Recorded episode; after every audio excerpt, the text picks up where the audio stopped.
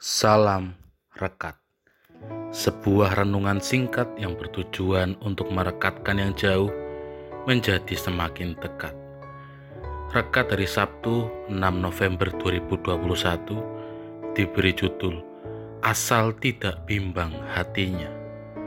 Rekat hari ini dilandasi firman Tuhan dari Injil Markus pasal 11 ayat 20 sampai 24. Ayat Nazari ini diambil dari ayat 23. Aku berkata kepadamu, sesungguhnya barang siapa berkata kepada gunung ini, beranjaklah dan tercampaklah ke dalam laut, asal tidak bimbang hatinya, tetapi percaya bahwa apa yang dikatakannya itu akan terjadi, maka hal itu akan terjadi baginya.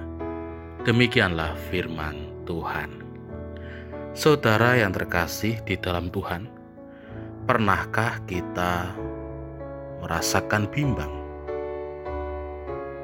Menurut Kamus Besar Bahasa Indonesia, bimbang ini dapat diartikan ke dalam dua arti. Yang pertama, merasa tidak tetap hati atau kurang percaya atau bahkan ragu-ragu di mana mungkin ia masih ragu-ragu ketika menerima usul tertentu. Yang kedua, bimbang itu juga dapat diartikan merasa khawatir atau merasa cemas. Misalnya, orang tua yang memikirkan nasib anaknya yang merantau di negeri orang. Dari dua pengertian ini, kita bisa melihat bahwa ternyata bimbang itu terkait dengan perasaan. Yang pertama, merasa ragu-ragu, tidak tetap hatinya, dan yang kedua, merasa khawatir dan juga cemas. Tentu, hal ini sangat menyulitkan kita di dalam percaya kepada Tuhan. Orang yang bimbang sering kali sulit untuk melangkah.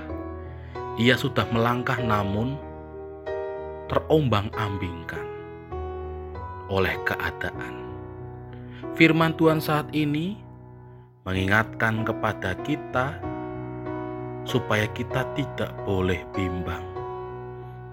Tidak bimbang di sini sama dengan percaya sepenuhnya kepada kuasa Allah ketika kita bimbang, maka sesungguhnya di saat itulah kita tidak percaya sepenuhnya kepada kuasa Allah.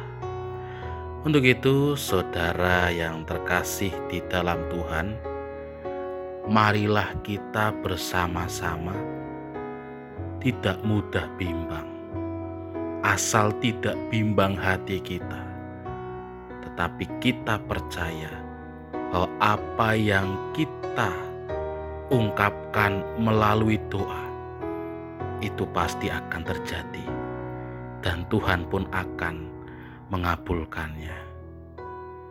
Amin. Mari kita berdoa. Asal tidak bimbang hati kami, Tuhan, percaya pada pemeliharaan Tuhan. Kami yakin Tuhan akan mendengar permohonan kami. Amin.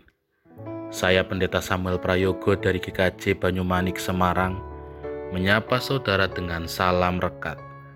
Sebuah renungan singkat yang bertujuan untuk merekatkan yang jauh menjadi semakin dekat.